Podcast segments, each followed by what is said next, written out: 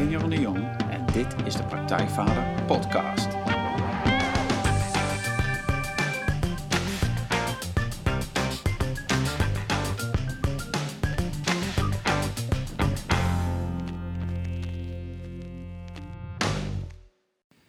Welkom bij een nieuwe aflevering van de Praktijkvader Podcast. Jeroen hier en goed dat je luistert. Zoals elke aflevering interview ik een inspirerende gast die jou verder gaat helpen bij de volgende stap in je vaderschap. Ik vraag schrijvers, coaches, wetenschappers, kunstenaars naar hun vak, hun ervaringen, hun tips en trucs over hoe jij met meer ontspanning en plezier de vader kunt zijn die je je kinderen en jezelf gunt. En vandaag is componist, kunstenaar en schrijver Merlijn Twaalfhoven te gast. Welkom in de podcast, Merlijn. Dankjewel. Ja. Ja. Ja, leuk, leuk dat je bent. Um, Merlijn Twaalfhoven is kunstenaar met een bijzondere staat van dienst. Uh, sinds zijn opleiding als componist aan het Conservatorium in Amsterdam zoekt hij naar bijzondere plekken om zijn muziek uit te voeren. En dan vooral plekken waar iets aan de hand is. Want naast de grote podia van de wereld, van de Carnegie Hall in New York tot het concertgebouw in Amsterdam, uh, bracht de muziek hem onder andere naar vluchtelingenkampen en conflictgebieden over de hele wereld, waar hij met de mensen ter plekke bijzondere uitvoeringen maakte. Inmiddels ziet hij zichzelf vooral als creatief onderzoeker van complexe en maatschappelijke problemen met de Turn Club, een samenwerkingsverband van kunstprofessionals, veranderaars en andere bruggenbouwers, richt hij zich op het aanpakken van urgente vraagstukken met wat Merlijn zelf de kunstenaarsmindset noemt. Wat die kunstenaarsmindset precies is en waarom iedereen, ook jij, die meer zou moeten ontwikkelen, dat beschrijft hij in zijn boek Het is aan ons, waarom we de kunstenaar in onszelf nodig hebben om de wereld te redden. Nou, ik kreeg dit boek getipt van een van mijn beste vrienden en ik was meteen verkocht. Het boek is helder, inspirerend en bovenal praktisch. Merlijn schetst een helder beeld van wat wij kunnen doen om deze wereld voor onszelf en de generaties die na ons komen beter te maken. En hij weet waar hij het over heeft. De alle inzichten en tips die Merlijn geeft komen rechtstreeks uit zijn eigen ervaring met ontmoetingen, uitvoeringen op plekken als bijvoorbeeld Bosnië, Cyprus, Palestina en uh, Syrië. Nou, in dit interview gaan we het hebben over het boek De Kunstenaarsmindset en Merlijns ervaringen tijdens zijn reizen. En ik ben natuurlijk ook benieuwd hoe Merlijn die kunstenaarsmindset toepast in het grootbrengen van zijn kinderen. Want hij is vader van, uh, van twee kinderen, jongen en meisje, tien en acht. En zelfs dat klinkt als, als een avontuur. Want het was in Twaalfhoven uh, woont, als ik het goed begrepen heb, op een woonboot in de grachten van Amsterdam. Dat klopt, ja, ja zeker. dat klopt. Nou, Merlijn, welkom in de podcast. Um, ja, de, nou, dat prikkelt gelijk mijn uh, nieuwsgierigheid. Met je gezin op een woonboot. Ja, dat was een slecht idee. Althans, oh. toen ze heel klein waren, moet je natuurlijk altijd de deuren dicht houden. Tegelijkertijd, toen eenmaal die zwemdiploma's er waren... Ja, fantastisch. Ze springen nu gewoon van het dak het water in, zodra het lekker weer is... En uh, dus er wordt veel gezwommen. We hebben ja, bootjes. En, dus het is een beetje het buitenleven. Ja. Tegelijkertijd ook in de stad. Ja, wauw. Hey, en, en hoe doe je dat nu? Want hè, eh, als we dit opnemen is februari 2021. Er zit een corona-lockdown. Uh, is dat een extra uitdaging of, of juist niet? Of hoe doen jullie dat? Nou, een uh, woonbootje. en er liggen soort van kapitale villa's. Hè? Want we zitten in, een, in, een, in de Amstel zelf. Maar wij hebben eigenlijk een heel klein, klein bootje. Stukken, nou, gewoon een ijzeren drijvend iets. En dat is in principe wel heel klein. Dus um, uh, het uitzicht is wijd. Maar uh, we zitten in die zin wel in een, uh, in een hok samen. Dat is wel heftig uh, met thuiswerken. Uh, mijn vrouw is huisarts, dus die werkt vaak juist buitenshuis. Maar goed, we, met de kinderen thuis, met alle huiswerk en alles, was het soms wel, uh, ja, wel gewoon een hartstikke druk om dat allemaal eigenlijk in één ruimte te hebben. Maar ja, goed, dat, ik zie het ook wel als luxe problemen, want er zijn genoeg mensen die het nog veel krapper hebben. Ja. Dus, uh, maar dan wel heel fijn dat je in ieder geval ook gewoon naar buiten kan. Ja. Ook dat de stad, dat we niet aan een drukke weg zitten bijvoorbeeld. Want dat zie ik zelf al als het allerheftigste. Als je kinderen gewoon niet eens de deur uit kan laten. Dat het gewoon gevaarlijk is buiten. Dat vind ik een soort enorme aanslag op ja. het leven wat je hebt als, als jong mens. Ja. Dus uh, gelukkig kan dat bij ons. Het is een rustig, rustig weggetje. Ja, ja, ja mooi. Hey, en, um, en, en ik ben benieuwd hè, van dit, dit, dit jaar, zeg maar, misschien hebben we het straks nog meer over. Maar ik ben benieuwd, heeft het je iets, iets gebracht of geleerd? Of uh, omdat je zoveel meer waarschijnlijk met je kinderen uh, bent opgetrokken, omdat ze eenmaal thuis zijn en niet op school zitten? Nou, toen, um, ik meen, dat, wat was het, half maart vorig jaar, de scholen dichtgingen Ja. Toen brak ook meteen de zon door. Dat, uh, ieder herinnert zich dat het een soort van maffe sfeer was. Dat een soort enorme lente kwam. Uh, en dat dus alles ontregeld was. Uh, ja, mijn kindjes waren de hele dag buiten toen aan het spelen. En de, bij de, in de, wat verderop, waar de buren wonen, zijn ook jonge kinderen. Die we, we hadden ook ja, natuurlijk soms wel wat huiswerk. Maar eigenlijk werd er de hele dag buiten gespeeld toen dacht ik ook wel echt van, nou, dat is zo'n voorrecht als dat dus kan. Ja. Als je dus niet ergens hoog in een flatje zit, um, maar als die kinderen dus naar buiten kunnen. En ik had ook heel erg het idee van, ja, er gebeurt ook heel veel qua ontwikkeling en juist in dat spelen. Ja. En dus daar had ik toen eigenlijk een heel positief gevoel over. Ik bedoel, er werd weinig huiswerk gemaakt. Uh, van school kregen we ook eigenlijk maar heel weinig. Weet je, kids waren in een uurtje klaar. Terwijl andere scholen die, uh, die waren heel streng dat je gewoon heel veel achter uh, de laptop zit. Mm. En uh, dus eigenlijk allemaal onderwijs op afstand. Terwijl wij kregen gewoon een handjevol opdrachten, een paar bladzijden rekenwerk en noem maar op. Ja. En dan gingen ze gewoon naar buiten. Uh, ja, ik maakte me op dat moment eigenlijk nergens zorgen over. Dat uh, echt het idee van, wordt dan over onderwijsachterstand, maar ik had het idee van, oké, okay, misschien krijgen ze wel een speelvoorsprong. Ja, ja dat is ook zo'n labeling of zo, hè? Ja, ja, ik heb wel het gevoel dus dat het heel erg samenhangt met uh, of je dus de, eigenlijk de, de luxe hebt van ruim wonen. Dus dat je buiten kan spelen. En dat je niet aan een grote weg zit of ergens. Ook de juiste leeftijd. Dat kinderen ook gewoon uh, naar buiten kunnen. En dat je dus ook zonder zorgen uh, binnen zit. Want natuurlijk toen onze kinderen wat jonger waren. Ja, dan moet je er echt bij zijn. En, ja. um, Zeker op die woonboot als ze nog niet kunnen zwemmen. Precies, ja. ja, ja. Dus ik had wel het idee dat we in die zin ook echt mazzel hadden met hun leeftijd en met dus de plek waar we zaten. En dan natuurlijk dat prachtige lenteweer. Ja, ja mooi. Hey, en, um, en in je boek, en we gaan het er zo over hebben hoor, beschrijf je uitgebreid jouw, jouw eigen ontwikkeling hè, van, van jongen, uh, je kindertijd en, en ook hoe je uiteindelijk op het conservatorium terecht kwam en alles. En, um, maar ik ben benieuwd van, van jouw, jouw, jouw, jouw kunstenaarschap, jouw eigen kunstenaarschap, om het zo maar te zeggen. Um, heeft dat iets, hoe heeft dat je vaderschap beïnvloed? Of heeft dat iets gedaan op het moment uh, dat de kinderen kwamen, dat ze geboren waren? Van, hoe zie jij die link daartussen? Nou, ik heb vaak gedacht toen ik concerten aan het geven was, um, uh, repetities enzovoort. Van, oh, stel als ik kinderen heb, dan zou ik ze mee willen nemen. Want er is zoveel, er gebeurt zoveel in zo'n repetitielokaal met al die muzikanten. En het is gewoon zo geweldig om die muziek uh, te, te zien ontstaan, te zien groeien, te zien ontwikkelen hè, in zo'n uh, in zo'n proces. Nou, het was juist het moment dat ik uh, heel veel aan het reizen was, dus veel in het Midden-Oosten was. Toen ik een serieuze relatie kreeg en toen er ineens een baby op komst kwam. Ja. Um, en dat heeft mij toen um, heeft mede bepaald dat ik uiteindelijk heb gedacht van oké, okay, ik moet echt gaan nadenken van hoe geef ik eigenlijk mijn, um, uh, mijn werk vorm. Ik kan niet meer zomaar reizen, ik kan niet maanden van huis zijn. en dat heeft ja, mede bepaald dat ik eigenlijk een enorme omslag heb gemaakt met wat ik deed. Dat ik dus in Nederland ben gaan werken, maar ook eigenlijk het allemaal op een hele stap, ja, noem het abstracter. Veel meer gaan denken van wat is die kunstenaars mindset en hoe kunnen we eigenlijk als samenleving veel meer creatiever worden, veel meer verbeeldingskracht in gaan zetten, veel meer schoonheid.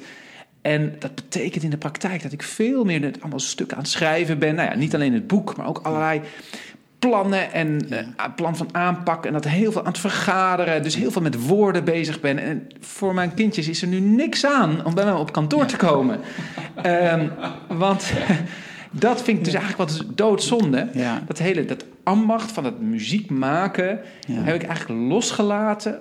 Omdat ik denk van oké. Okay, we moeten andere structuren maken in de samenleving. En voor die structuren is eigenlijk een soort, in, net als infrastructuur, heb je ingenieurs nodig, heb je plannen nodig, moeten er andere wegen, kabels, leidingen, dat soort dingen. Maar dan op het gebied van hoe we voelen, hoe we denken en hoe we met de toekomst omgaan. Ja, en dat is echt een soort ontwerpwerk geworden. Dus in die zin is het eigenlijk super jammer dat ze nou, misschien tien jaar te laat zijn gekomen. Ja. Want het is, uh, ja. het, er wordt hier uh, vreselijk weinig muziek gemaakt. Ja. ja. want dat was voor jouzelf veel anders. Hè? Beschrijf je in, in het boek van, uh, van bij jou thuis was er wel veel muziek. Hè? Jouw moeder gaf dwarsfluitles. eh, Klopt, en ja. jouw vader was instrumentenbouwer. Ja, ja, dus we hadden de hele dag eigenlijk eh, ja, klanken in huis. Ja. Er kwamen leerlingen muziekles of mijn vader was dan bezig met die instrumenten te maken en die probeerde dus echt geluid te, te ontfrutselen uit een stuk hout. Ja. En eh, in die zin was het ook heel fijn dat het gewoon zo duidelijk was wat er gebeurde bij me thuis. Dus dat ik echt zag van oké, eh, ja, muzieklessen, maar ook dat het bouwen van die, die blokfluiten, maar, maar eh, echt met, met de hand, dat ambacht, eh, dat snap je als kind. Ja. Terwijl mijn kids snappen totaal niet wat er gebeurt als ik mijn laptop open doe. Nee. En dat is dus ook echt thuis werken ehm, is een enorme uitdaging.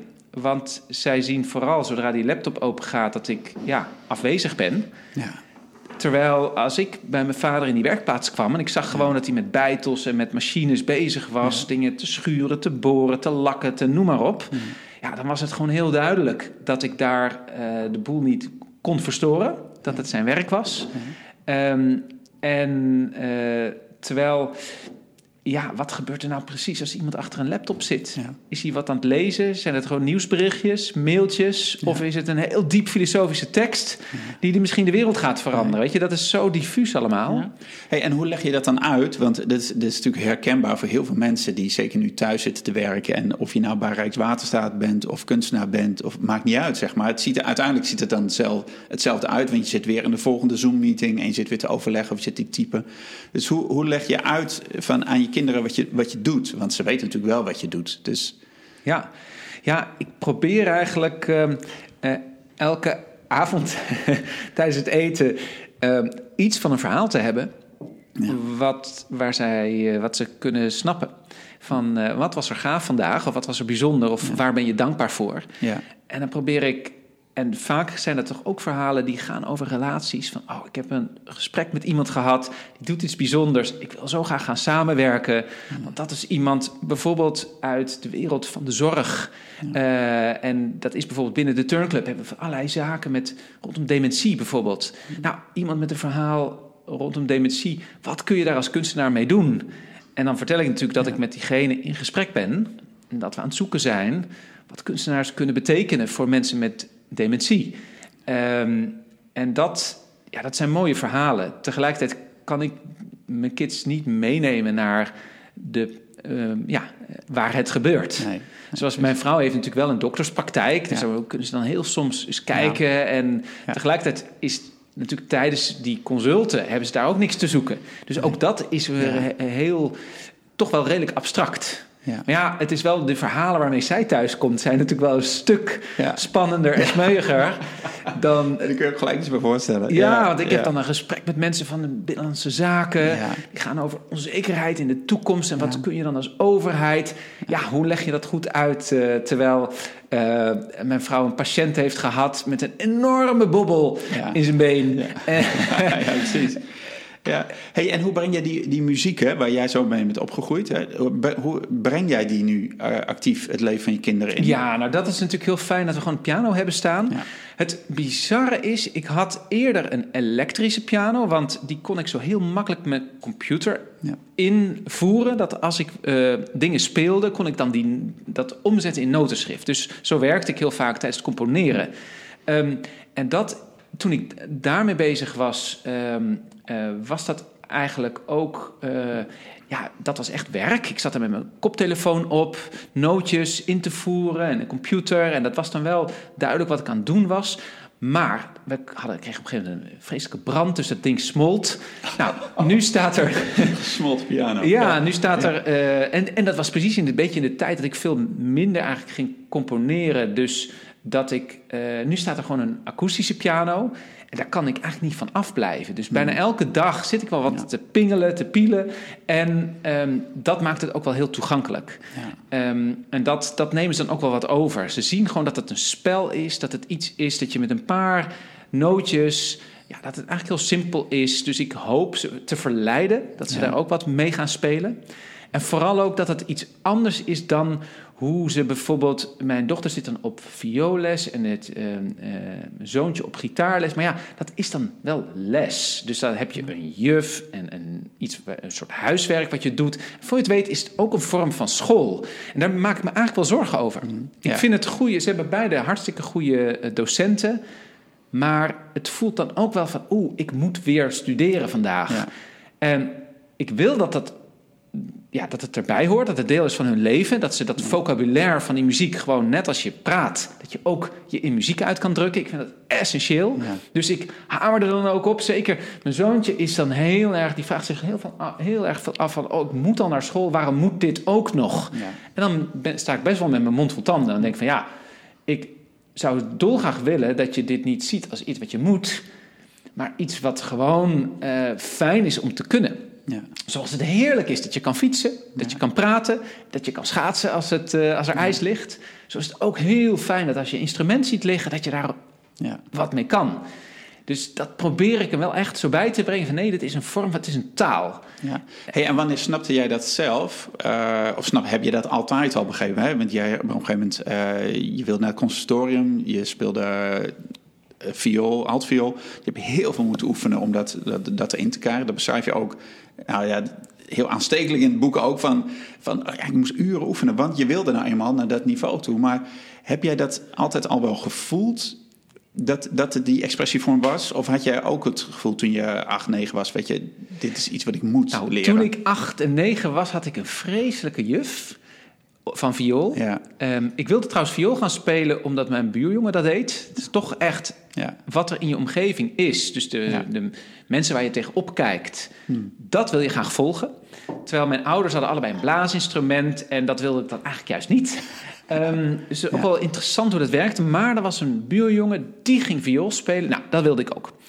Het was wel zo dat het bij ons thuis niet een kwestie was van wil je op muziek, maar gewoon welk instrument past bij je. Want muziek hoort bij het leven. Ja. En ik geloof dat dat heel belangrijk is als, als ouder, dat je gewoon ziet van welke dingen horen er gewoon bij. Uh, wellicht sport of teamsport of uh, dat soort zaken. Van, oh, dat, dat, dat, dat geeft gewoon een belangrijke extra dimensie aan je leven. Nou, zo ook muziek hoort er gewoon bij. En ik wil dan op viool, want mijn buurjongen deed dat. Toen kreeg ik een juf die heel schools was, heel streng. Die altijd als eerste ging controleren of mijn nagels wel schoon waren. Want, uh, en goed geknipt en goed geveild enzovoort. Dus het was best wel, uh, best wel heftig. Ik kreeg vreselijke hekel ook, ook, aan. En dat was wel echt een worsteling van... Uh, ja, van mijn ouders. Want die hebben uiteindelijk wel gedacht van, weet je wat, het moet. We gaan dit gewoon doorduwen.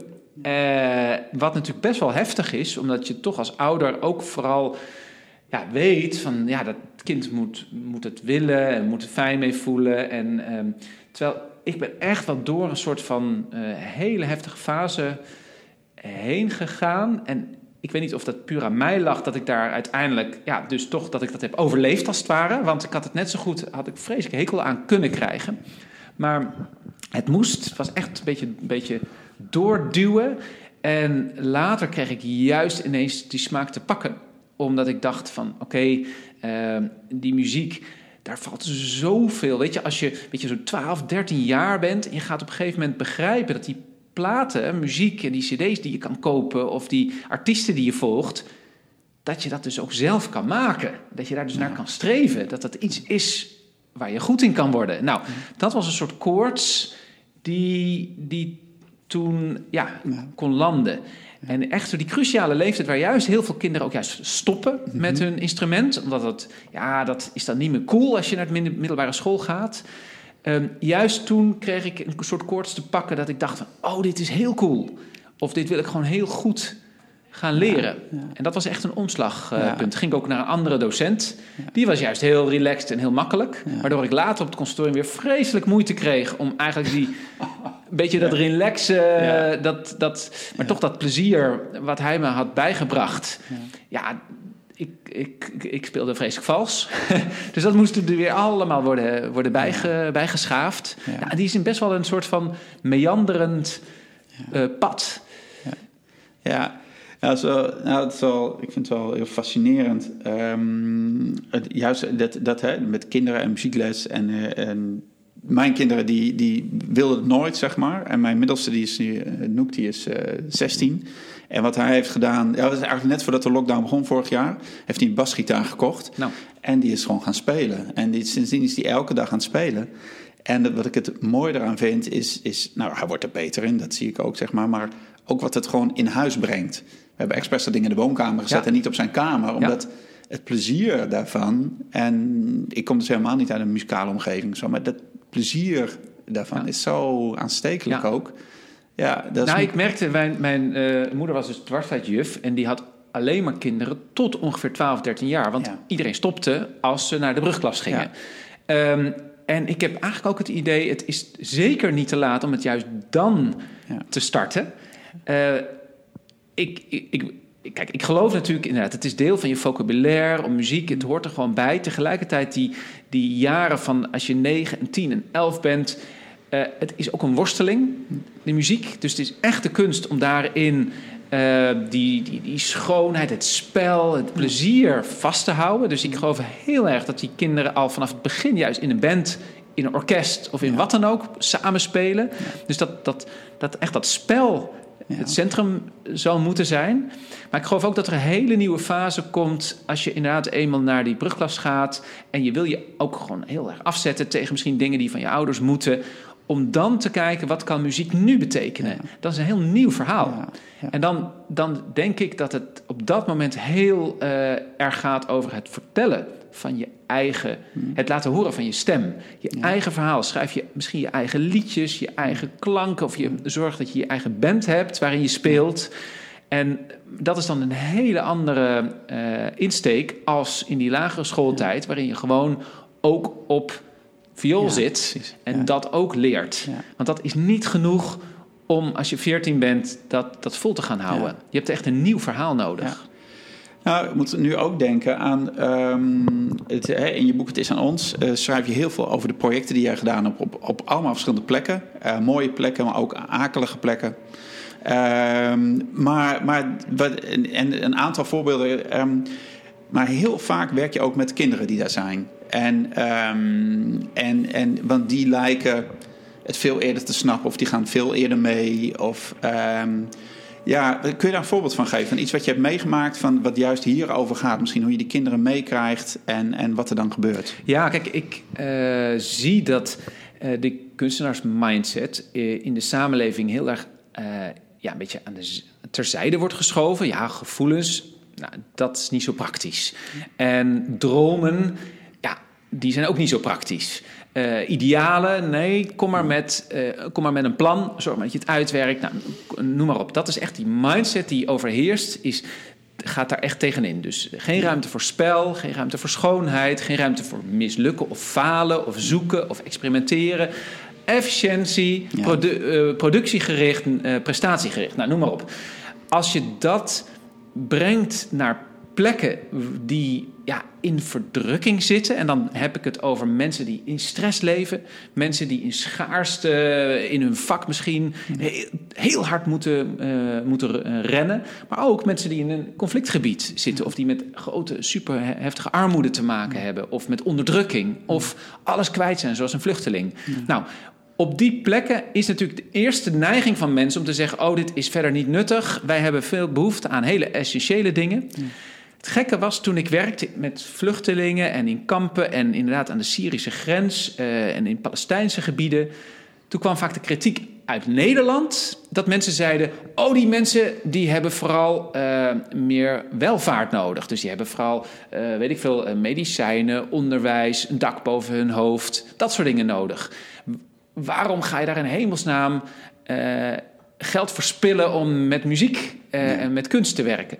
Dat kwam nooit van die mensen zelf. Die zeiden dat absoluut nooit. Ik heb dat nooit zo gehoord. Het was wel zo dat natuurlijk mensen soms heel erg eh, ja, verrast en verbaasd waren. Hé, hey, wat kom je dan doen? Wat kom je hier brengen? Maar eigenlijk was muziek het vertellen van verhalen, het uiten van je identiteit. Veel sneller iets waarvan ze meteen herkenden: dit, dat is essentieel.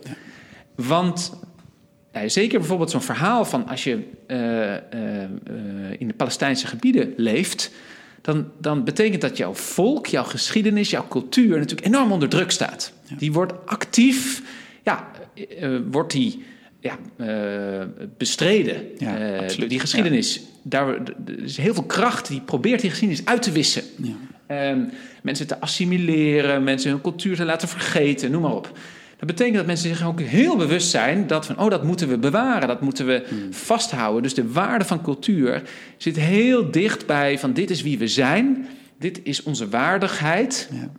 En ook een vluchteling die weet van, oké, mijn waardigheid is eigenlijk mijn allerbelangrijkste, waar ik nu, ja, naar op zoek ben, wat ik kwijt ben. En uh, die waardigheid, die kan dus heel erg in uh, nou ja, uit, uit, worden gedrukt in muziek of in poëzie, of in verhalen in het algemeen. Hey, en wat, wat gebeurt er dan? Kun je een voorbeeld geven van, info, maakt niet uit, maar eh, er staan talloze voorbeelden in je boek, maar misschien wat er dan gebeurt hè, in zo'n onderdrukte situatie. Mensen zijn vooral bezig met overleven. Ja. En jij komt daar en wat doe je dan? Ja, nou, um, ik, ik heb een, een, heel verschillend. Soms ga je uh, dagenlang of zelfs wekenlang aan de slag in, in workshops met, met uh, kinderen, maar ook dus kijken of volwassenen mee kunnen. En dat is inderdaad een stuk lastiger, ja. want die hebben echt het idee van: oh, dat is, dat is niks voor mij, maar wat fijn dat je iets met onze kinderen doet. Want Ja. ze maken zich in eerste instantie gewoon heel erg zorgen over die kinderen. Ja. Ehm, dat merk ik heel erg in die vluchtelingenkampen. Volwassenen die, die voelen zich vreselijk schuldig over wat ze hun kinderen Hmm. natuurlijk aandoen. Want die zijn los van hun vriendjes, van hun omgeving, van alle zekerheden. Die slapen slecht, die hebben heftige dingen meegemaakt. En natuurlijk zijn die volwassenen ook getraumatiseerd. Maar die kinderen, dat is waar ze zich in eerste instantie echt zorgen over maken. Dus ze vragen heel graag van, oh ja, kom, help ons, doe dingen met eh, kinderen. En dan ga ik muziek maken. Ik zorg altijd dat ik ook lokale muzikanten meebreng. Dus dat, die, dat het ook ja, Arabische instrumenten zijn, bijvoorbeeld. Dat het liedjes zijn die ze kennen. Um, en we gaan muziek maken, maar we gaan altijd ook luisteren naar wat die kinderen of die mensen zelf ook mee kunnen doen. En dan maakt het helemaal niet uit wat je kan. Want je kunt mee klappen, je kunt mee ritmes maken, je kunt alle voorwerpen kun je tot een instrument omvormen. Dus we gaan geen vioolles geven, want nee. nou ja, wie heeft er in hemelsnaam een viool? Nee. Maar we gaan instrumentjes maken en bouwen. En we laten eigenlijk zien dat er, er is eigenlijk geen drempel of geen rem om muziek een plek te geven in je leven. En muziek is gewoon een spel, dus we hebben ook uh, spelletjes om bij wijze van spreken gewoon, uh, uh, nou ja, dat je een soort wedstrijdjes of dingetjes, puzzeltjes, noem maar op, die je ook met ritmes kan gaan doen. Hmm. Dus muziek en gewoon spel is, komt heel dicht bij elkaar. Dan kun je elkaar kopiëren of antwoorden geven op elkaars ritmes. Kun je in die zin naar elkaar luisteren. Nou, en dat luisteren om echt te kijken van wat hebben die kinderen in zich? Wat kunnen we naar buiten krijgen? Nou, daar valt heel veel ja. uh, te winnen. En dan blijkt het ineens dat iemand die nou eigenlijk nooit een mond open durfde te doen, iemand die heel verlegen is, juist in zo'n muziekcontext ineens tot bloei komt of ineeens wat laat horen. Zo vonden we eigenlijk in de pauze van dat we met een workshops bezig waren, dat er een, uh, een meisje, ik denk ze was een jaar of veertien, ineens uh, zei van, of nee, eigenlijk haar vriendinnetjes, die zeiden, zij moet haar lied laten horen. Dus ze, die vriendinnen kwamen bij ons van, hé hey, meneer, meneer, meneer, meneer. Laat, vraag haar haar lied te, te zingen. En Ja. zelf zei ze van, nee, nee, nee, nee, nee dat, uh, dat is niks, dat is niet bijzonder. En toen, uh, later werd ik gevraagd door iemand van mijn team, want die had het gehoord. Uh, nee, je moet ook komen. En toen bleek dat ze dus heel mooi ja, lied zelf had gecomponeerd. Dat hebben we toen gevraagd van, oké, okay, mogen we het opnemen? Nou, dat mocht, want ze was eigenlijk heel blij dat Ja. wij de, dat, uh, dat luisterden. En dat lied liet ik vervolgens weer zien toen ik aan het reis was. Toen ik op een gegeven moment in New York was. Ja. Bij mensen van het New York Philharmonic. Ja. Die aan mij vroegen van... oké, hoe kunnen we eigenlijk ons, met onze educatie... veel meer, zeg maar, niet-westerse uh, ja, muziekstijlen uh, integreren. Andere mensen aanspreken. Veel meer van de mensen zijn dan voor de mensen. Ja. Nou ja, en die gesprekken eh, liet ik toen ook zien van kijk, dit is wat ik hoor als ik in zo'n kamp ben. En de mensen vielen die zijn van hun stoel, want ze hebben het idee van ja, die vluchtelingen dat zijn slachtoffers, die zijn zielig, die moet je helpen. En om ineens te horen van wacht even, die vluchtelingen hebben een stem, die hebben een verhaal, die hebben een visie. En juist om dat te horen, om dus een oor te zijn, dan kan dus, geef je, bied je eigenlijk een perspectief aan die mensen. Want als ze zich gehoord voelen, zich gehoord weten en merken, oh mijn verhaal spreekt anderen aan, daar raak ik anderen mee, is dat enorm belangrijk voor hun zelfverzekerdheid. Ja. Ja, en dit verhaal zou je ook heel erg op eh, jongeren in de puberteit Ja. Kunnen plaatsen. Want die hebben natuurlijk ook een enorme zoektocht van wat is mijn stem? Wat is mijn verhaal? En wie luistert er in hemelsnaam naar me? Ja, het is zo prachtig, want het, het gaat zo van over ehm, eigenlijk ook je ideeën van, van voorbij het eerste kijken. Want als jij zegt vluchteling, dan hebben wij allemaal gelijk allemaal plaatjes die geactiveerd worden in ons hoofd. Terwijl dit is, dit is één vluchteling is één mens met een geschiedenis, een familiegeschiedenis, een verhaal. En je weet helemaal niet of dat een slachtoffer is of hoe hij zich voelt, zeg maar. Dus dat vraagt zo over. Nou ja, dat gaat eigenlijk over het eerste deel van die kunstenaarsmindset, wat je noemt. Gewoon het waarnemen, het durven kijken. Ehm, ja, nee, misschien kunnen we het daar gewoon over, over, over hebben, zeg maar. Omdat, omdat jouw boek is een soort, ja, het is echt, echt een pleidooi voor het, eh, nou ja, wakker schudden of het, van die kunstenaar in ons. Die hebben we allemaal. Hè. Je te zeggen, je hoeft niet viool te spelen, hoeft niet, maakt allemaal niet uit. We hebben hem allemaal. Eh, maar misschien kun je gewoon vertellen wat die kunstenaarsmindset is. Of ja. of ja, hoe dat eruit ziet. Ja, nou ja, het, uh, er zijn natuurlijk heel veel vaardigheden waarvan we denken: oh, dat kunnen die professionele kunstenaars het allerbeste. Dus laat mij vooral niet zingen, of laat mij niet ja. tekenen, of laat mij niet een, een gedicht schrijven. Dat is ook ja. wat ik altijd tegenkom als ik een, compo een compositie heb laten horen of een concert geef. Mensen zeggen: fantastisch. Nou, ik ben geen componist of ik ben niet muzikaal, dus uh, ze durven niet eens een reactie bijna te geven op de muziek. Ze zeggen van tevoren al een disclaimer. Zo ja. van, oh, uh, ik, ik, ik weet heel weinig van muziek hoor. Ja, maar ik vond het leuk of mooi. Uh, en het is eigenlijk zo bizar. Um, mensen zeggen ook niet, sorry, ik ben geen schrijver. Um, maar ik vond, jou, ik vond dat je een mooi verhaal vertelt. Nee, taal is iets, ja. daar gaan we vanuit. Iedereen gebruikt taal. Ja. En betekent ook iedereen heeft een oor voor muziek. Iedereen is uh, muzikaal. En om dat als uitgangspunt te nemen, dus het feit dat we muziek kunnen luisteren en begrijpen en dat we ons gevoel, uh, ja, daardoor uh, dat er dingen gebeuren in ons, ja. dat betekent eigenlijk dat er activiteit is en dat we dus ook in feite die, die kunstenaar in onszelf, die hebben we. Uh, die is daar. En die, uh, uh, we vertellen alleen tegen die kunstenaar: je mag niet meedoen, want professionals doen het beter. Mm -hmm.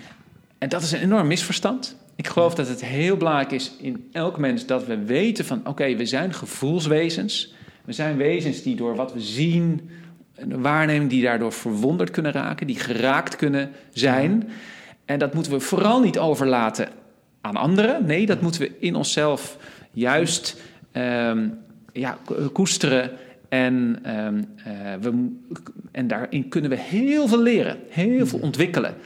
En, um, maar jij zegt niet dat iedereen uh, met die kunstenaar bijvoorbeeld per se iets creatiefs moet. Ja, tenminste, niet creatief in de zin van een kunstwerk maken. Dat is, dat, daar gaat jouw boek niet per se over. Nou, um, dan krijg je inderdaad amateurkunst en dat, of een hobby. Ja. En daar is niks mis mee. Het is nu prachtig om leuk te schilderen in, uh, op zondag.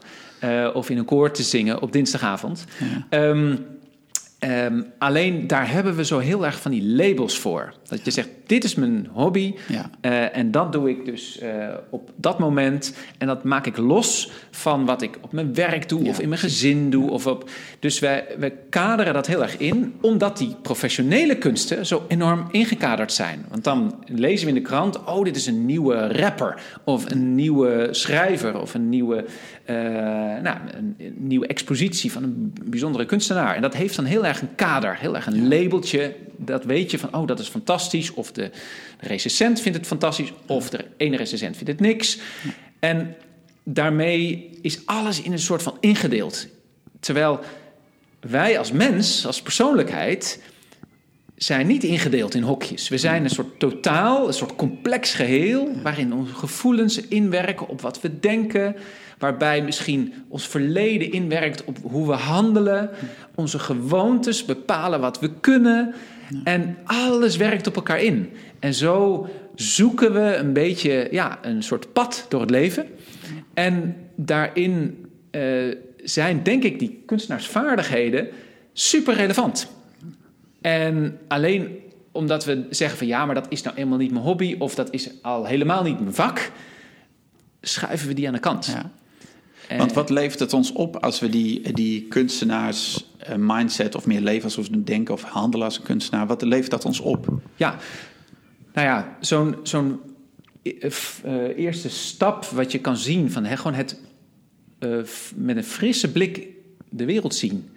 Niet alles meteen beoordelen, niet overal een labeltje op plakken, maar gewoon eens waarnemen. Kijk nou eens elke dag, ja. vijf minuten, bijvoorbeeld naar iets van de natuur. Naar een blad of een paddenstoel of een vogel of een wolk. Iets wat niet door mensen gemaakt is. Nou, zo'n oefening om daar gewoon naar, om dat waar te nemen. En niet te zeggen, oh, wat is de Latijnse naam van de, deze plant? Dat is ook leuk hoor, maar ja. dat, dat, dan wordt het inderdaad een, een hobby of een, of een professie. Maar nee, gewoon laat het eens binnenkomen. En hetzelfde geldt natuurlijk voor menselijk gedrag. Kijk eens van wat gebeurt er met een kind of een mens of iemand. Observeer eens iemand. En probeer eens uh, te ervaren van wat is een soort van, van verhaal wat er ontstaat.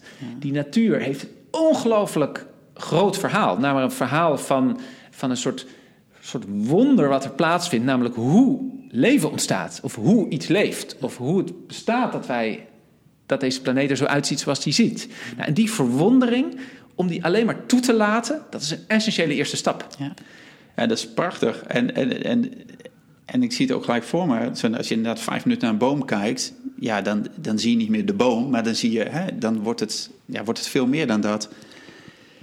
Maar dan, wat je ook schrijft in je boek, van ja, maar we zitten in een tijd waarin we daar geen tijd voor hebben. Je noemt het zelfs ontwonderen, zeg maar. Dus dat, dat we dat ons niet meer verwonderen, zoals een kleuter of een peuter gewoon een, inderdaad gewoon een hele tijd naar één bloem of een lieveheersbeestje ja. kan kijken. Ja. Nou, we beginnen eigenlijk al heel, heel uh, als het kind uh, nog geen één is, dus de eerste woordjes leert, dan hebben we vaak boekjes, weet je, die Dick Bruna boekjes, en zeggen we, kijk, dit is een paard, dit is een schaap en dit is een koe. Terwijl die koe die tot, heeft niks met een koe te maken. Want een koe is iets dat is, dat, dat is warm, dat ruikt, dat kwijlt, dat poept, dat ademt, dat, dat, dat leeft. Terwijl in Dick Bruna is het, uh, zijn het zwart-witte vlekken. Met een soort zwarte rand eromheen. En bij een varken is het geen zwart-wit, maar is het roze met een krulstaart. En dan leer je dus eigenlijk als kind heel snel van... ah, krulstaart, uh, varken. En dan zegt je ouder, zegt dan, goed zo. Nou, volgende. En dan, dan krijg je een, een, een, een vorm en dat is wit. En dan zegt de ouder, die zegt dan, bé, bé. En dan denk je als kind, oh, schaap. Goed zo. Terwijl als je echt met een schaap te maken hebt, dat is veel groter en rijker. Nou, zo hebben we een soort van ja. Dick Bruna manier om ja. de hele wereld in kaart te brengen. En dat gaat niet alleen met de dieren, maar dat gaat ook met dit zijn de beroepen, dit, zijn, dit is de regering, dit is de, uh, de, inderdaad de natuur, dit is het verkeer, dit is de economie, zo werkt geld. Alles wordt zo gesimplificeerd mogelijk ja. samengevat, zodat je als kind zo snel mogelijk leert in modellen te denken, in abstracties of in eigenlijk uh, een soort van samenvattingen, ja. in plaats van in die complexiteit die die werkelijkheid is. Nou, en dat is knetterhandig, want je leert woorden en je snapt welk woord voor welk ding is, en dan leer je praten en dan leer je uh, redeneren en dan wordt het sneller en sneller en sneller en sneller. Want je hoeft niet meer al die. Een woord hoef je niet meer te zien als een betekenis. Of als. Nee, het is gewoon een woord en je kunt verder. Je kunt door. Je, je plakt er een sticker op, als ja. het ware. Nou, en dat, is, dat gaat maar sneller en door en door en door en door. En dan komen we uiteindelijk in complexe systemen die mensen niet eens zelf meer kunnen begrijpen. Zoals hoe de financiële wereld werkt of hoe computers werken. Wat, het, wat er gebeurt met ons gedrag als we door media ons laten bestoken. Uh, wat er met onze aandacht gebeurt als we de hele dag zijn afgeleid met onze smartphones. Al dat soort verhalen, ja, daar worden we eigenlijk ingerommeld.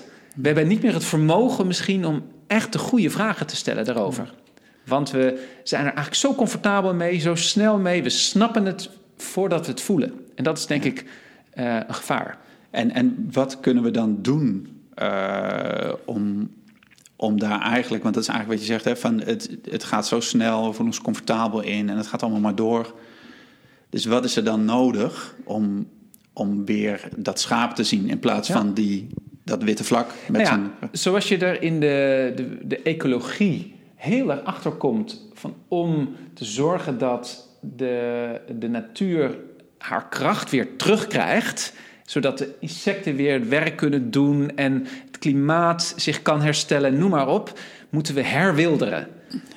Het, de, de, de natuur weet dat zelf wat gezond is. En daar ontstaat, als iets wild wordt, ontstaat er een soort complexiteit aan leven, waarbij de, uh, wat, er ons, wat er het bodemleven zorgt dat het plantenleven goed is, dat er bepaalde schimmels het werk doen, dat er bepaalde insecten, dat er vogels, dat kortom die hele cyclus, het is zo complex, alles hangt met elkaar samen.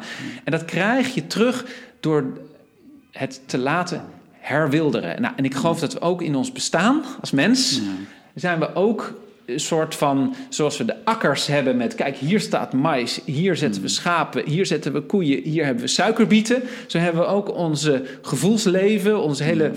innerlijke wereld ook allemaal opgedeeld van zo moet je, dit is je baan, dit is je werk, zo, dit is je rol misschien als vader, of dit is je rol als, uh, uh, weet je veel, uh, zo, dit zijn je liefhebberijen in je vrije tijd. Hmm. Alles is soort van gestructureerd. En dan krijg je inderdaad een soort uh, dood agrarisch landschap met heel veel opbrengst. Waarbij als je goed kijkt, er een aantal hele belangrijke, zeg maar de gezondheid. Dus zoals de bodem uitgeput raakt, zo raken wij ook in onszelf uitgeput. Hebben wij ook zelf geen vruchtbare bodem meer. En het herwilderen eigenlijk van onszelf. Van wat mag er weer wild zijn? Wat mag er weer groeien? Wat mag er weer ontkiemen? Wat zijn misschien bepaalde vormen van leven die je niet eens kan zien. Ja. Want in de natuur is heel veel microscopisch leven wat van belang is. Terwijl, ja, zet er wat pesticiden op en het sterft allemaal uit. En je ziet het niet, je merkt het niet. Maar uiteindelijk is die hele natuur ja, uh, in verval. En dat, ja, dat zou je ook met, met, ja, je persoonlijkheid mooi. Nou ja, er gaan honderd dingen door mijn hoofd nu. Maar ik moet denken aan die, die documentaire uh, Big Little Farm. Nou, dat, dat, hè, dus, nou dat, die ken je natuurlijk ook. Maar die, dat was een prachtig verhaal. Ik zal hem in de linkjes erbij zetten. Om, dat is fijn om een keer terug te kijken. Maar die, dat gaat eigenlijk over hoe, hoe een, een stel... een soort, soort verschraalde uh, boomgaard... gigantisch in Amerika koopt...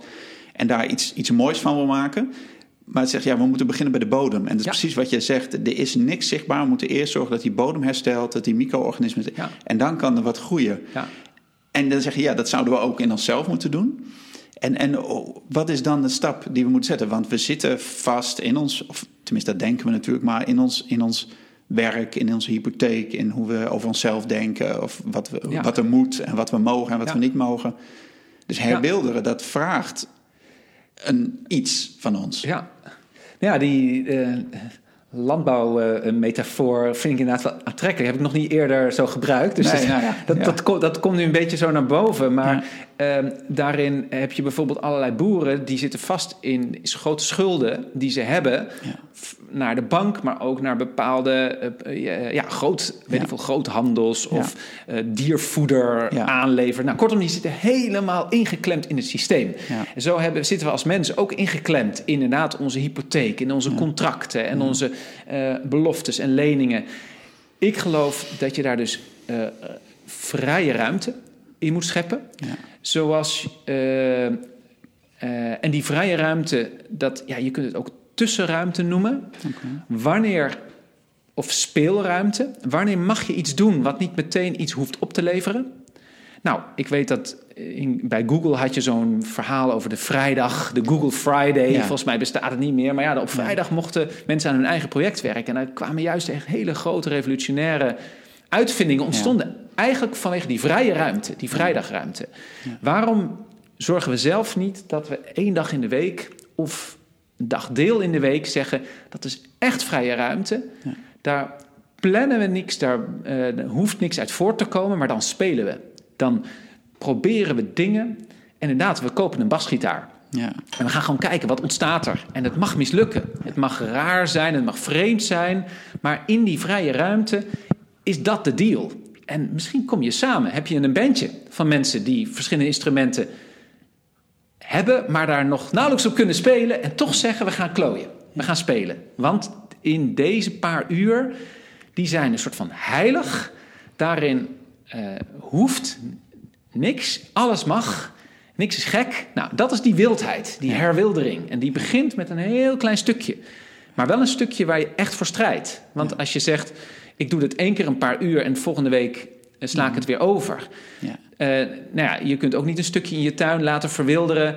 en na een maand zeggen, nu plant ik weer boontjes. Eh, nee, dat heeft die tijd nodig. Dat Ja. moet een soort, een soort vrije ruimte zijn... waar misschien dus ook eh, bijzondere schimmeldraden kunnen groeien... die misschien wel jaren nodig hebben... en uiteindelijk hele rijke... Ja, het is fascinerend wat schimmeldraden allemaal transporteren aan voed- voedselstoffen en noem maar op. Nou ja, goed. Ja. Dus dat, dat, dat heeft zijn tijd nodig. Ja.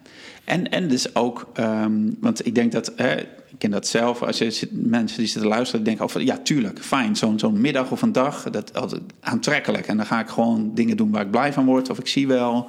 En jij zegt, het mag mislukken, nou, dan wordt het al een beetje spannend. Want ik denk, ja, als ik iets nieuws ga doen en ik ga die tijd claimen, dan moet ik toch, moet, uiteindelijk moet het wel iets opleveren. Maar dat, je zegt, het mag mislukken. Het is een tussenruimte waar je het niet hoeft te weten. Ehm, ik heb het idee dat dat, je moet hem claimen, zeg jij. Maar het vraagt volgens mij ook moed om daarin te stappen, zeg maar. Het is om die tijd vrijmaken is nog één, maar ook om echt... Ja. Nou, daar, daarvoor Ja. heb je elkaar nodig. Ja. Ik bedoel, het feit dat jij nu hier bent gekomen om een podcast op te nemen, betekent dat wij een mooi gesprek kunnen hebben, wat we anders niet hadden gehad. Ja. Als jij niet, niet hier nu was gekomen, als het niet in mijn agenda stond, was ik heel hard met mijn e-mail bezig. Ja. Ehm, ik ook waarschijnlijk, Nou, ja. precies. Daarom is het zo fantastisch. Dat, dat iemand zegt: Ik ga dit soort gesprekken voeren. En dat kan natuurlijk, kunnen andere mensen natuurlijk ook beslissen. Die zeggen: van ik ga. Nou ja, dat geldt ook vaak voor eh, bijvoorbeeld wandelen of ik ga, eh, ga fietsen of zoiets. En als we dat nou samen doen Ja. en we, we, we plannen dat, we houden ons elkaar. En dan is het een dagje een beetje vies weer. Of ik heb een beetje, eh, weet ik veel, een beetje spierpijn, wat dan ook. Die anderen die zeggen, ik sta weer voor je deur met de fiets. We gaan weer, want het is weer, nou, noem maar op, dinsdagavond. Ehm, dus dat soort rituelen beginnen heel simpel. En het is vooral belangrijk van, oké, we weten dat bewegen van belang is. Ja. Dus daarom zijn mensen, daar, doen dit soort dingen vaak heel erg rondom sport en lichaamsbeweging. Kunnen we dat ook voor onze geest? Kunnen we dus ook weten van ook die, onze geest heeft, nou, Ja. eh, niet lichaamsbeweging, maar geestbeweging nodig. En waar is die ruimte? En kunnen we dat op diezelfde manier als met een fitness-app Ja. eh, onze stappen tellen en weet ik veel, onze calorieën ranken? Kunnen we ook zeggen: Ah, ik heb deze, weet ik veel, weer twee uur lang bijvoorbeeld mijn telefoon uitgezet, Ja. mijn internet uitgezet. Ik ben op een of andere manier even bevrijd, even los van al die dingen die op ons afkomen en die waar we aan moet, moeten beantwoorden de hele tijd. En dat is een soort heilige ruimte, een soort vrije ruimte. En het mooie is juist, religies kunnen dat heel goed. Die hebben de Sabbat, of die hebben het vrijdagmiddaggebed, of de zondagsrust. En eh, dat, ik denk dat het enorm bijdraagt aan vormen van, nou, laten we zeggen dat je, dat je je verbindt met wie je bent, waar je vandaan komt, waar je heen bent. En in een tijd dat we al die religies soort van, nou, eh, eh, los hebben gelaten, hebben we denk ik ook heel veel verloren van, eh, eigenlijk van, van momenten Ja. waarop iets hoort of kan of mogelijk is. Dus ik zou zelf dolgraag bijvoorbeeld... Nou, we hebben dan de, de zondag, uh, daar, dat is dan... Uh, zijn uh, christelijke religies hebben dat dan natuurlijk gezegd... oké, dat is de zondag. De zaterdag hebben we eigenlijk gezegd... ja, dan moeten we eigenlijk heel erg shoppen en dingen regelen. de praktische waarom, dag, ja. ja. waarom regelen we niet de vrijdag? Ja. Fridays for Future, zo'n wat de jonge ja. klimaatbeweging ook zegt. Waarom re- hebben we niet één dag in de week waarin we zeggen: nu werk ik gewoon aan iets wat ik belangrijk vind Ja. voor de lange termijn, voor de aarde, de planeet, of voor de wijk waar ik woon, of voor, de, voor mijn eigen, voor een, ik, ik, ik maak een tuin voor vlinders, of ik, ik help aan een project rondom Mm. eenzaamheid, of weet je. Nou, dat, zijn- vind ik zo mooi van, van wat, wat ik ehm, denk, waarom ik het, jouw boek zo verfrissend vond ook. Van, hè, van, van, over het algemeen hè, heb ik heel veel interviews gedaan met mensen die eh, coaching geven, therapeuten. eh, en die allemaal fantastische ideeën hebben ook, heel interessant. Eh, wetenschappers, neurowetenschappers ook. En, ehm, en het gevaar daarvan is, van, ook van zelfhulp, waar ik zelf ook in zit met, met, mijn, met mijn onderneming, zeg maar is dat je vooral naar jezelf kijkt. En dat je kijkt, oh, eh, waar, eh, waar heb ik het lastig? Of eh, mijn depressie of mijn burn-out. Of waar kan ik groeien? Of, of, en allemaal hele goede dingen, denk ik, om naar jezelf te kijken. Maar jij pakt hem een stap verder en jij maakt hem heel praktisch. Dus jij zegt, jij maakt echt de stap van, we moeten het met elkaar doen. Ja, ja, dat. Dat, en dat leerde ik ook, eh, omdat ik zelf ook aan het kijken was van hoe kun je nou een goed mens zijn in een tijd waarin je telkens eh, druk bent. Ja, ja. En ik las ook, eh, je kent misschien dat boek van Bronnie Ware, Regrets of the Dying. Ja, Dus ja, precies. Het is ontluisterend waar mensen wel allemaal niet spijt over hebben op hun sterfbed. ja. Ehm, iedereen heeft spijt. Ja. In ieder geval, dat heeft zij als, eh, hoe zeg je dat, als zuster die het stervensproces begeleidt. Dat is haar werk. Ja. Volgens mij in Australië. Nou, in ieder geval, ehm, ehm, zij heeft dus honderden, misschien wel duizenden mensen begeleid in die laatste periode in hun leven. En ze merkt, bijna iedereen heeft spijt. ja. En dat gaat eigenlijk altijd over waarom wilde ik, was ik bezig om te beantwoorden aan allerlei verwachtingen van mijn omgeving. En kon ik minder luisteren naar mezelf. En dan denk je, oh, dat mezelf klinkt een beetje, eh, nou, misschien een beetje egoïstisch. Nee, mensen weten vaak heel goed wat echt belangrijk is in het leven. En dat is heus niet dat je meer op de bank ligt en eh, langer mag gamen. Nee. Ehm, nee, dat is vaak juist ook het zorgen voor mensen die jou dierbaar zijn. Als je echt vraagt van wat vind ik belangrijk, dan gaat het vaak over welke relaties vind ik belangrijk. En mensen hebben dus een spijt dat ze bepaalde relaties in hun leven te weinig aandacht hebben gegeven. Ja. Nou ja, dat het hele cliché van eh, niemand heeft op, ze zegt op zijn sterfbed: had ik maar wat harder gewerkt en wat minder met mijn kinderen Nee. eh, geweest. Het is altijd andersom. Nou, en daar moeten we denk ik voor oppassen. Het is heel fijn dat zij dat boek heeft geschreven. Dat we dus gewaarschuwd zijn.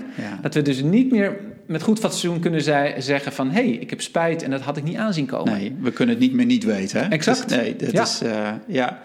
Hey, en, en, en nu dan? Hè? Van, van nu eh, staan we in een best een intensieve tijd. Met, met, met ook nu midden in de, in de coronasituatie. Die, die, die dwingt ons om juist meer afstand te nemen van elkaar. En wat je er ook van vindt of hoe je daarin staat. Maar daar zitten we in ieder geval in. En jij, hè, met jouw boek ook, van, van maar, ja, maar als we iets willen betekenen, zullen we ons juist moeten verbinden. Hoe zie jij dat nu? Want, want er is veel polarisatie, er gaat veel over wie heeft er gelijk. Eh, nou, er zijn allemaal belangen bij betrokken, zeg maar. En, en juist om niet, niet het Dick Bruna schaap te zien, maar het, het hele schaap. Of hè, dat is Ja. die analogie, de hele olifant. Maar, maar wat, Ja. wat, wat, wat, ja, wat, wat is er nu? Wat, wat, wat, Ja. wat kan die kunstenaarsmindset eh, ons nu brengen? Nou, ik geloof ten eerste, die eh, coronasituatie zal volgens mij doorgaan... omdat er zoveel andere onzekerheden ook spelen... dat ook al zijn we op een gegeven moment gevaccineerd... zal er iets anders spelen wat ons ook weer onze zekerheden ontneemt. Ja. Ik heb echt het gevoel dat we niet teruggaan naar een wereld die overzichtelijk was. Want het zat er zo aan te komen. De, de wereld was op allerlei manieren natuurlijk al uitgehold qua zekerheden. Ja. Eh, de financiële wereld was al een keer omgegooid en dat is toen opgelapt met een soort schijnzekerheid van oh, als, zolang die banken maar blijven staan, is er niks aan de hand. Nou, eh, en zo zullen er volgens mij eh, zal die onzekerheid doorgaan. We zullen echt merken van de wereld is in beweging. Eh, en we zullen daarin eh, moeten kijken van wat is je rol? Ja. En stel je eigenlijk voor dat je dus allemaal spelers bent in een groot theaterstuk. Eh, Dat je dus niet aan de kant zit. Vandaar ook die kunstenaars mindset. Het zit in iedereen. Wij kunnen niet langer in de zaal zitten en verwachten dat de mensen op het toneel Nee. hun rol spelen. Nee, het is aan ons, hè? dat Ja, zeg je ook echt. En dat merk je ook boek. heel erg hoe we naar de politiek kijken. Ehm, dat nemen we echt niet als eh, autoriteit aan. Hmm. We zijn het, daar kritisch op. We hebben ook het idee van, nou kom op, dat kunnen we eigenlijk ook wel beter. Dat weten we zelf misschien wel. Dus we hebben heel erg het gevoel van, het komt niet van hogerhand. Nee. Ehm, het komt ook niet als we keihard op Facebook en Twitter gaan vertellen wat onze mening is. Want dat is een soort kakofonie, wat ook helemaal plat slaat. Ehm, waar, waar is je rol? En dat betekent ook eigenlijk wie eh, eh, kun je echt aan de hand nemen. Nou, dat is natuurlijk in eerste plaats je eigen kinderen. Of de mensen echt om je heen. Ja. De mensen met wie je, nou, van wie je echt een afhankelijkheidsrelatie hebt. Of die afhankelijk van jou zijn. Maar daaromheen zijn natuurlijk ook mensen die echt naar je luisteren. Het zijn je goede vrienden of je echte mensen met wie je echt een connectie hebt. Mensen op je werk, nou, noem maar op. En om in die cirkel eh, het over idealen te hebben... Ja. En te zorgen dat die idealen niet iets een soort van privé-ding blijven... waarvan je zegt van ja, dat hou ik binnen. Of ik schreeuw dat uit op Twitter. Ja. nee, dat, die hebben vaak juist die verdieping, die vertraging nodig. En dan kan het best wel mooi zijn. Ik merk in de kakofonie van alle Zoom-calls en alle meetings... eens in de zoveel tijd zeg je juist van... hé, hey, we gaan een wandeling maken. Eh, omdat we dat zo missen, omdat we die ruimte en die verdieping missen in die efficiëntie van het online werken, gaan we juist een wandeling maken. Nou, en om dat dus goed te kiezen en eigenlijk ook gewoon te weten van oké, die mensen om me heen, daarmee maken we, eh, weet ik veel, heb je dus ook die verdieping, namelijk dat gesprek over wat, wat is een goede wereld, wat is mijn rol, wat kan ik betekenen hiervoor. Ik merk dat nu best wel mooi is, omdat we dus die, de turnclub hebben gemaakt. Dat echt mensen aankloppen en, en echt vragen van... oké, ik herken me in jullie idealen. Wat kan ik doen? Ja. Wat kan ik bijdragen? En dan is het te gek dat ze dat vragen. Want daar ontstaan dan nieuwe samenwerkingen, nieuwe verbanden... van mensen die echt op zoek gaan naar... hoe kunnen we onze rol spelen? Ja. datgene wat we goed kunnen, en iedereen kan iets goed. Ja. Ook al is het zorgen dat het gezellig is, de koffie eh, wordt gezet en weet je, Ja. eh, dat Ja. is essentieel. Stel je kunt goed, eh, nou, wat je goed kunt, maar kun je dat doen op een plek waar het nodig is? Ja. Want nu zijn heel veel mensen die doen, kunnen dingen fantastisch, maar die doen het op een plek waar ze gewoon eigenlijk toevallig een beetje in zijn gerommeld, of waar ze een mooi salaris krijgen, of waar ze een, ja, nou eenmaal ooit een keer ja tegen hebben gezegd. Ja. Terwijl kun je datgene wat je goed kunt brengen op een plek waar het echt heel hard nodig is. Ja, en dan zeg je eigenlijk van, hè, dus je, dus je rol onderzoeken. En juist, eh, wat voor situatie dan ook. Nou ja, het is nu de coronasituatie van, oké, wat kan ik daar zelf in doen? Dus Ja. wat, is mijn Ja. rol? Ja. En hoe kan ik, en dan gaat het volgens mij niet, want dat zeg je, het gaat niet over dat je je gelijk haalt. Maar dat je, is het dan zo dat je meer, ja, volgens mij gaat het meer over waar je er naartoe wilt. Of, Ja, ja. Nou Ja. kijk, op het moment dat je een droom uit of een ideaal uitspreekt, ehm, betekent eigenlijk per definitie al dat het niet iets is wat praktisch is. Daarom is het een droom. ja. Ehm, ja, anders was het er al geweest. ja, precies. Ja. Dus dat betekent namelijk ook dat je het dus niet alleen kan. Ja. Daarom is het veel krachtiger om dromen te leren delen dan plannen te leren pitchen. Want plannen pitchen, dan zeggen mensen heel vaak van... oh leuk, we hebben nu tien plannen, we kiezen er één. Nou, de jouwe is het mooiste of het meest haalbare. En als je dan al geluk hebt dat je gekozen wordt... dan heb je waarschijnlijk een heel krap budget... om precies dat te doen wat binnen je plan is. Ja. Eh, dan moet je daarvoor vechten en krijg je... en de buitenwereld die levert daar kritiek op. En op het moment dat iemand anders een beter plan heeft... nou, is het weer over. Terwijl als je een droom deelt, dan herkennen mensen van hé, hey, hier zit iets in waar, waar ik ook in geloof. Alleen diegene kan het niet alleen. Dus laten we kijken hoe we samen daarnaar kunnen streven. En hoe nog meer mensen daarbij kunnen aanhaken. Dan krijg je een hele andere dynamiek. Ik heb dat ooit een keer zelf uh, valikant misgedaan. Toen kreeg ik een, een, een, een, rol als lector op een kunstopleiding. Dat was fantastisch. Ja. Uh, mooie rol. Ik ging nadenken over die kunst in de samenleving. Ik ging er stukken over schrijven en ideeën. Maar omdat ik dat allemaal zelf deed, zeiden mensen, gaven me een schouderklopje. Zeiden, nou, goed bezig. Maar niemand had het gevoel dat ze me moeten helpen, want ik kwam veel te zelfverzekerd over. Of ik kwam eigenlijk veel, ja, ik kon het mooi vertellen. Ik, kon, ik had ook ervaring om dingen nou ja, uh, goed te regelen, dus ik was allemaal dingen aan het regelen. Later dacht ik, als ik meer als een verstrooide professor ja. mooie dingen had kunnen zeggen, maar mensen hadden het zorgen gemaakt van, oh jee, niemand, hij weet niet hoe het moet, dan hadden, was ik waarschijnlijk veel, ja, had ik veel meer teweeggebracht omdat mensen mij moesten helpen. Dat ik het niet alleen voor elkaar zou kunnen krijgen. Ja, dat vind ik fantastisch. Want het, weet je, dat is ook in al de mannengroepen die ik, die ik geef, zeg maar. Het is ook een heel mannenthema weer. Van ik moet het kunnen en ik moet het vooral alleen kunnen. Want ja, ik ga vooral niet laten blijken dat ik hulp nodig heb. Denk aan mijn vader die dan op vakantie in, in Duitsland voor de TomToms waren we bijna op de plek van de, van, de, van, de, van, de, van de camping, bij wijze van spreken. En die ging echt niet vragen waar de camping was. En die ging een half uur rondjes ja. rijden. Ja, ja, Terwijl als je het vraagt, dan gebeurt er wat, zeg maar. En um, dus, dus dat, dat vind ik die zo mooi. Die metafoor is geweldig. Ja, het vragen van de weg. Ja. Um, ik heb nu dat mensen hebben natuurlijk zoveel navigatie op een telefoon... dat er bijna niet meer de weg wordt gevraagd. Nee, ja.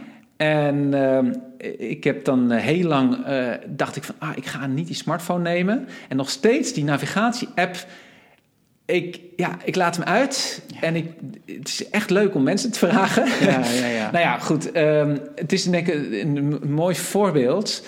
Want, uh, uh, nou ja, ik, ik, ik moet ook denken aan het, het vinden van je weg. Je kunt het helemaal plannen. Je kunt het helemaal uitstippen. Je kunt ook gaan liften. En dan bedoel ik dat letterlijk, maar ook als metafoor.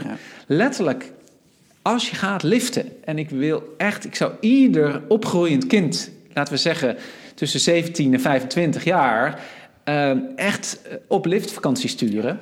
Want wat je tegenkomt, mensen zeggen: Wat wil je naar die stad? Oh, die is hartstikke saai. Je moet even met mij meekomen. Je moet eens kijken wat hier aan de hand is.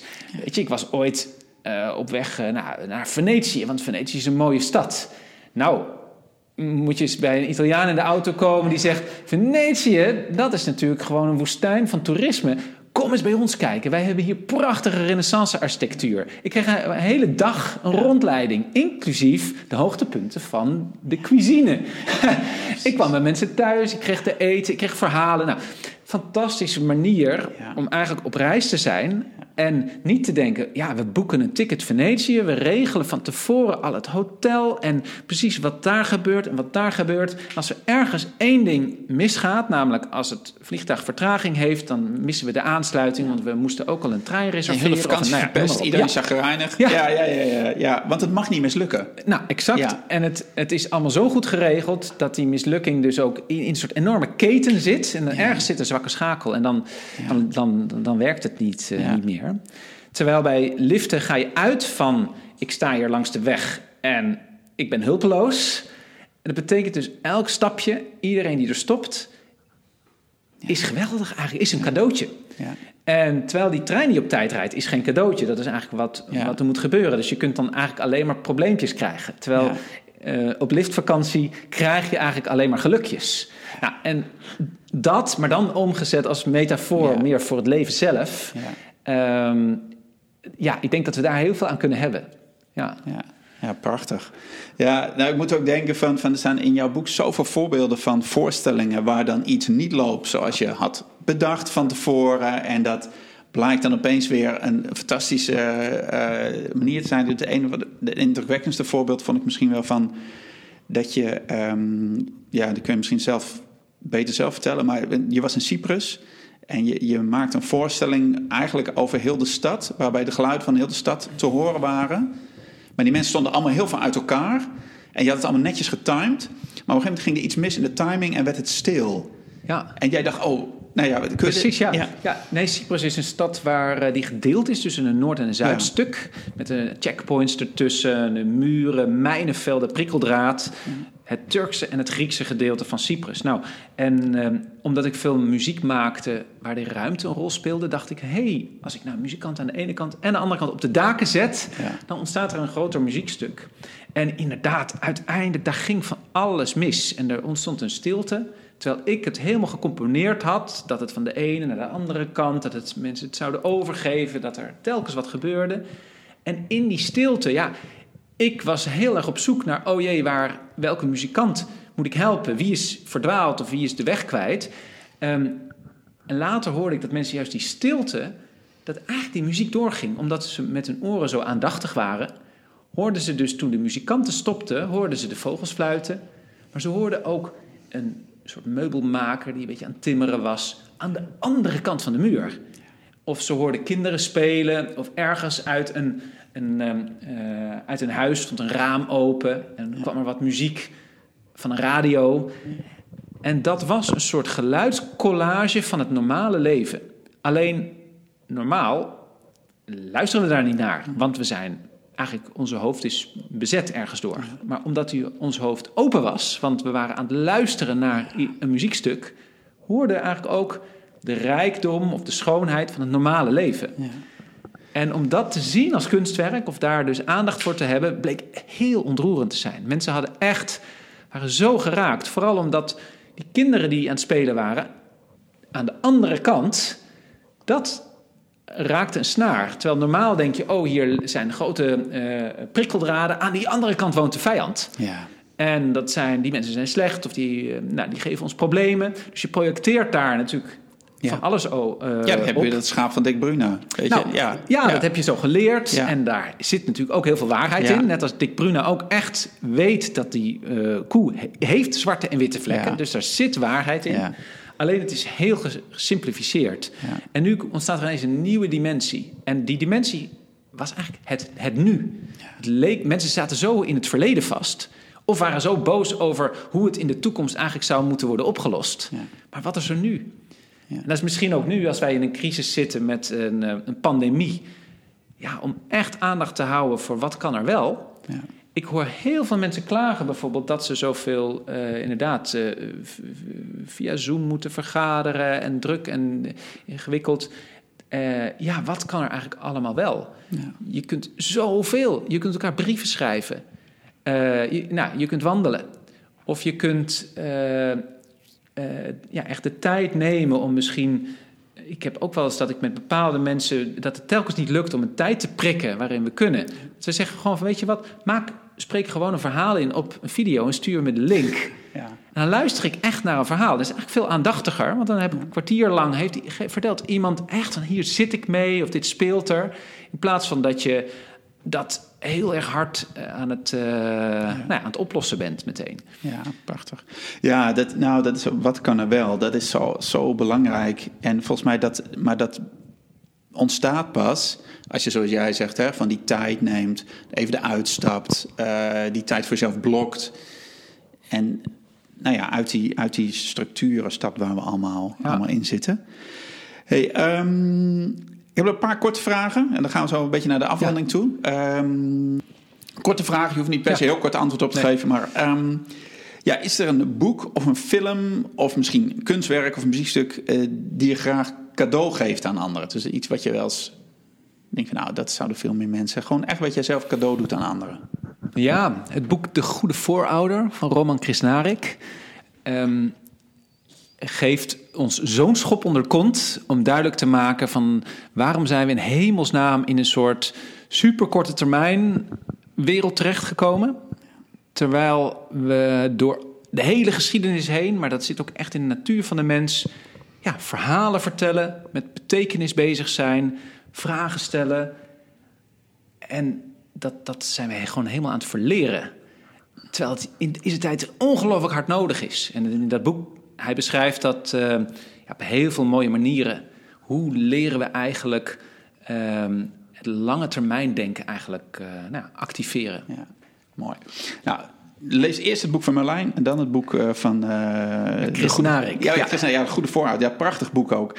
Um, hey, en uh, een moment van de afgelopen tijd, iets wat je met je kinderen hebt meegemaakt, waar, wat je heel leuk vond, waar je dankbaar voor bent, gewoon... Ja, de meren be bevroren. ja. Dat is eigenlijk, ja, ja. eigenlijk heerlijk. daar komen we natuurlijk net, net een beetje uit. Uh, althans, het voelt nu alsof we in de lente zitten. Maar uh, uh, het ijs, ineens was er ijs. En ja. het leuke was, we hebben de kindjes op, op schaatscursus gezet. En eigenlijk vond ik het absurd van waarom moeten we nou telkens naar dat kunstijs? Ha, um, en tegelijkertijd toen lag er ijs en ze konden heerlijk bezig. En dat was gewoon fantastisch om... Um, ja, om, het is ook een vorm van een relatie echt met, met de natuur ja. dat te pakken. En zo'n ijs. Ja. Nee, en, en was bij jouw boot ook bevroren? Ja, ja, ja. Ja, oké. Okay. Dus kon je van je boot het ijs opstappen? Nou, het is, we zitten in de Amstel, dus het was wel link. Maar ik heb een, een, klein stukje verder op de Amstel ook gestaan. Okay. Ja, ja oh, dat was wel griezelig. Ja, ja, dat geloof ik. Ja, ja. Oké, en Marlijn, um, is er iets wat je de afgelopen tien jaar in de, um, in de tijd in je vaderschap met je kinderen, iets wat je gekocht hebt of aangeschaft hebt waarvan je denkt van ja, dat was echt, ja, dat was echt gewoon, dat heeft een verschil gemaakt of dat heeft me, weet ik veel, mijn dag gered of weet ik niet, maar dat heeft ons heel veel blijdschap bezorgd. Behalve de woonboot misschien, maar... Ja, ja. Nou, er is, er is zoveel wat in mijn... Uh gedachte langs gaat. Natuurlijk allerlei vormen van waarin ik zelf minder misschien gebonden ben aan dingen, eh, met name ook geld verdienen. Ik ben, uh, we hebben geprobeerd, het bootje is echt een, uh, nou, is een klein bootje. Dat we dus niet met hypotheken, hoge hypotheken enzovoort zitten. Dus dan, ik denk eigenlijk daaraan, van ja. die, die soort van ruimte, vrijheid. Um, ik denk ook aan die, nou, inderdaad zo'n piano in de kamer. Ja. Uh, wat, wat gewoon veel, um, uh, veel betekent. Um, ja, en natuurlijk ook soms vakanties echt, echt de natuur in. Uh, ik ben zelf natuurlijk echt dicht bij het bos opgegroeid. Ging, ging heel veel wandelen. En um, nou ja, dat, dat is natuurlijk wel ja, heel essentieel. Dat is al best veel, toch? ja, ik kan niet echt zo'n goede, goed object vinden. Ja, nou, ik, ik vind een woonboot en een piano vind ik al heel wat, hoor. Ja. Ja. ja en natuurlijk ja. het hele verhaal, maar daar is misschien een nieuwe, uh, nieuwe ontmoeting voor nodig. Maar hoe je met uh, die elektronica omgaat. Ja. Dus uh, ik had heel lang geen smartphone en had, was ook echt mijn gevoel naar die kinderen toe. Dat er gewoon uh, in mijn jaszak zit die Nokia. Ja. Heel soms word ik gebeld of bel ik iemand. Ja. Um, maar er is niet zo'n soort van plek waar al die aandacht heen gaat. Om dat dus ja, proberen buiten je huis te houden, zo lang mogelijk. Ik bedoel, hij ligt er nu sinds een half jaar. Maar um, dat voelde ook wel als een. Uh, maar dan is het vooral de afwezigheid van iets waar we. Maar daar moet je echt moeite voor doen. Ja, zeker. Ja denk, als jij pas een half jaar een smartphone hebt, dan uh, was je de laatste in Nederland uh, zo'n beetje, of niet? Ja. Heb jij echt een half jaar pas een smartphone? Ja, klopt. Wow. Ja, ja. Zo. Ja. Ik, dat uh, voelt als, als je dat zegt, dat voelt als zo'n luxe. Ja. ja. Ik, dat is eigenlijk idioot, hè? Ja, ja dat, dat is bizar. Ja, en Ik, ik vond het Nee, het is ook. Ja. Nou goed, ik, uh, ja. nogmaals, het is een heel, heel verhaal. Ja, ja, ja. Doen, we, doen we nog een andere keer. Ja, prima. Ja, Want dat, dat gaat ook over aandacht en over contact en over verbinding en over wat belangrijk is en hoe dingen belangrijk misschien worden. Hoe je je aandacht wel of niet wordt meegesleurd. Maar goed. Ja, ja en echt als laatste vraag om af te ronden van. van het zit ook allemaal in je boek, maar ik ben benieuwd wat, wat voor jou uh, wat jij ziet als, als een uitdaging waar, waar wij als ouders nu hè, met opgroeiende kinderen voor staan. Hè, wat hebben wij te doen? En natuurlijk gaat het over die aandacht en gaat het over die smartphones en gaat het over. Maar is er nog iets wat je zegt? Ja, maar dat, dat is, vind ik ook belangrijk. Nou, als je het hebt over welke rol speel je, dan ja. is het denk ik heel belangrijk om te kijken wie zijn de personages om je heen.